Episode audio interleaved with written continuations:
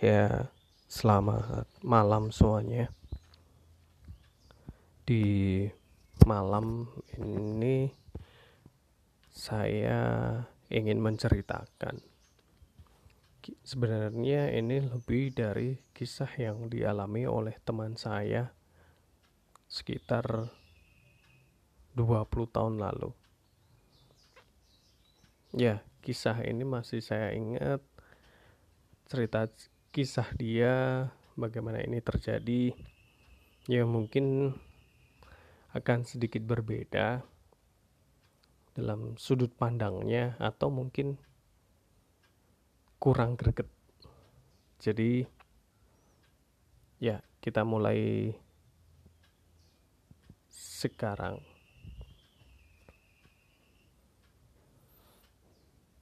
Jadi kisah ini terjadi sekitar di awal tahun 2000-an. Kisah ini dialami oleh teman saya, sebut saja namanya Arif. Jadi, si Arif ini waktu pertama kali masuk SMP itu akan selalu ada uh, penerimaan atau uh, bisa dikatakan perkemahan pramuka untuk penerimaan ambalan. Ya perpindahan lah, perpindahan dari SD ke SMP. Kalau dahulu uh, masih awal-awal tahun itu kayaknya masih masih ada gimana ya? Oh, masih ada perkemahan Jumat Sabtu Minggu. Kita bisa ya dikatakanlah berjusame gitulah di tahun pertama dia dia bercerita bahwa pada waktu itu kejadiannya waktu perkemahan Jumat Sabtu Minggu. Oke. Okay.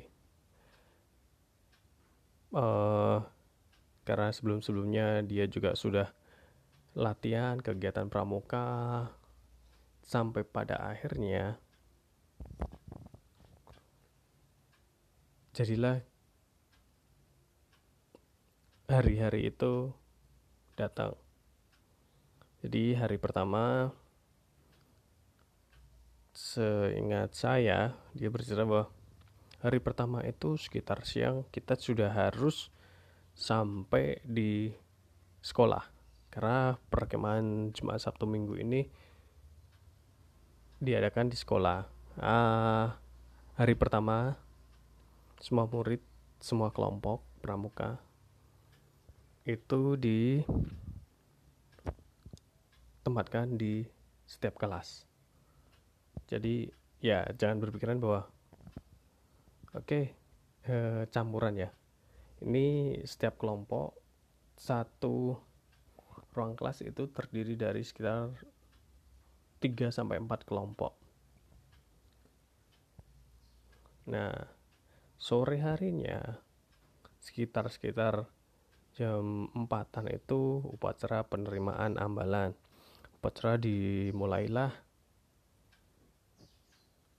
eh, kegiatan perkemahan cepat satu minggu itu. Jadi hari pertama sebenarnya sudah aneh sih. Diceritakan bahwa si Arif ini dia sudah merasa aneh. Karena merasa anehnya adalah ada beberapa temen. Ya bisa dikatakan lah oh sekitar 5-6 itu cewek dan cowok itu sudah punya gelagat aneh. Jadi ya bisa dikatakan Arif teman saya ini termasuk anak indigo. Kalau sekarang bisa dikatakan seperti itu. Jadi dia sudah merasa aneh. Kemudian malam tiba masih belum ada kegiatan sama sekali. Habis ya habis uh, Isa itu dia dan teman-temannya itu semualah semua peserta itu makan malam.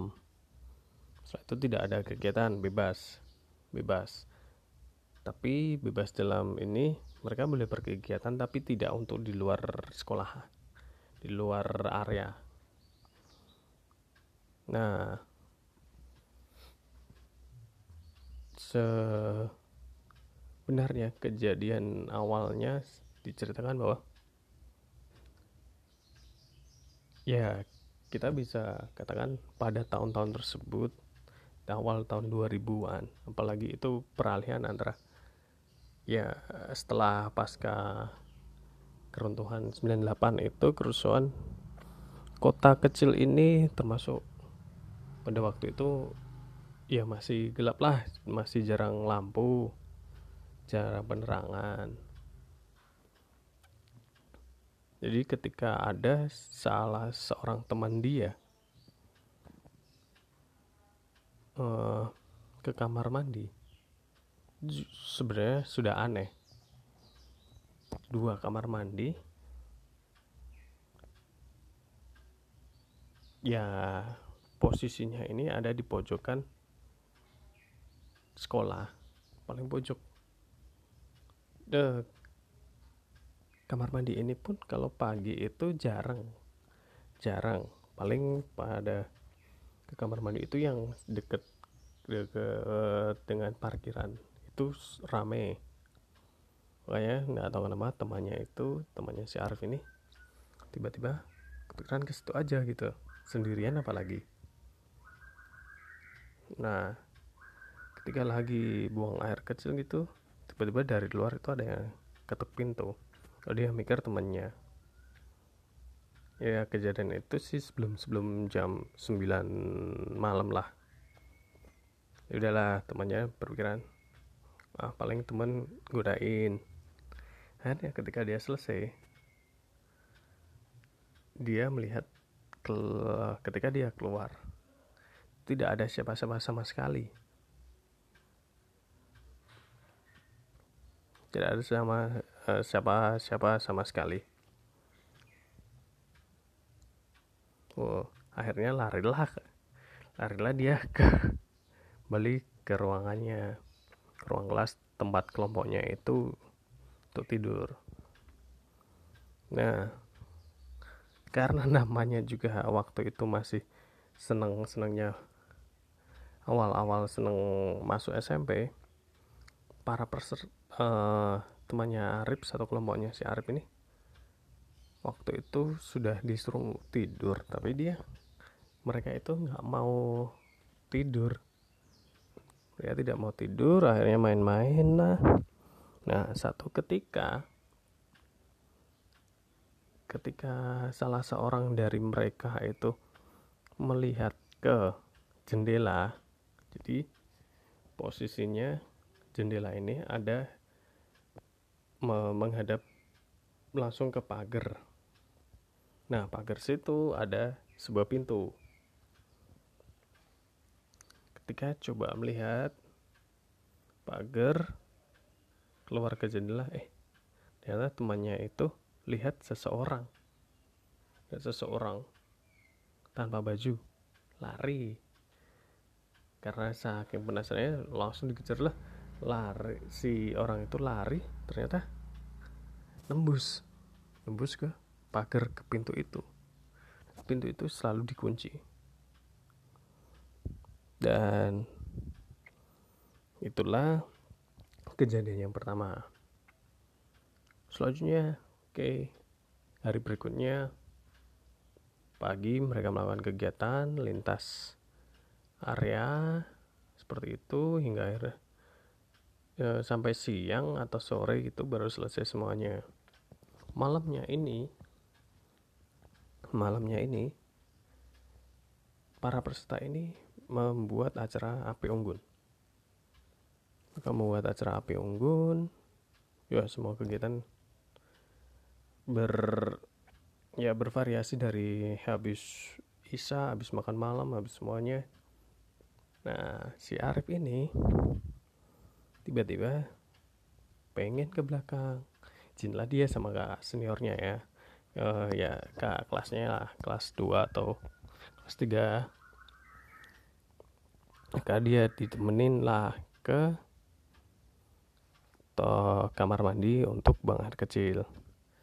Dan naasnya ya mungkin bisa dikatakan naas atau oh, sialnya sih. Dia diantar ke kamar mandi yang paling pojokan karena itu area terdekat dari api unggun itu nah kejadiannya adalah pas ketika dia buang air kecil Wah, tiba-tiba tuh muncullah sosok cewek gantung diri. Dan si Arif ini akhirnya dengan setengah keberaniannya dia pejamkan mata kemudian ya lanjutlah. Setelah itu bersih-bersih langsung lari. Si, si kakak kelasnya ini udah dibiarin aja. Eh, langsung lari dibilangin padahal kakaknya eh jangan lari. Nanti kamu jatuh. Jangan lari.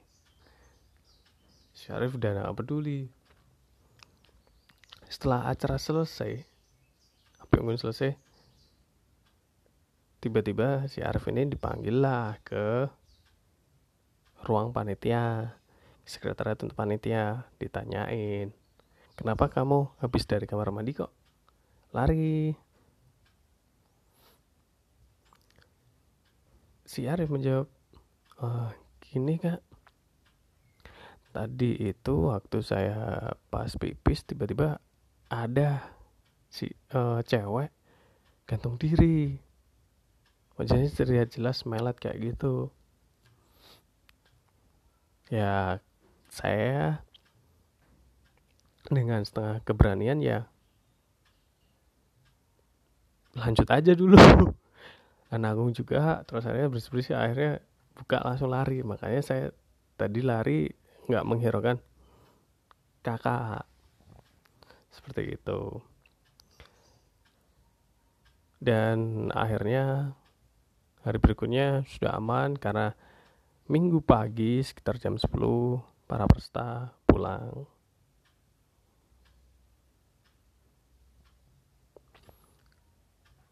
Jadi ini adalah kisah pertama di tahun awal teman saya masuk SMP. Mungkin nanti juga akan saya ceritakan beberapa pengalaman teman atau mungkin ketika saya juga mengalami di tahun-tahun waktu SMP itu.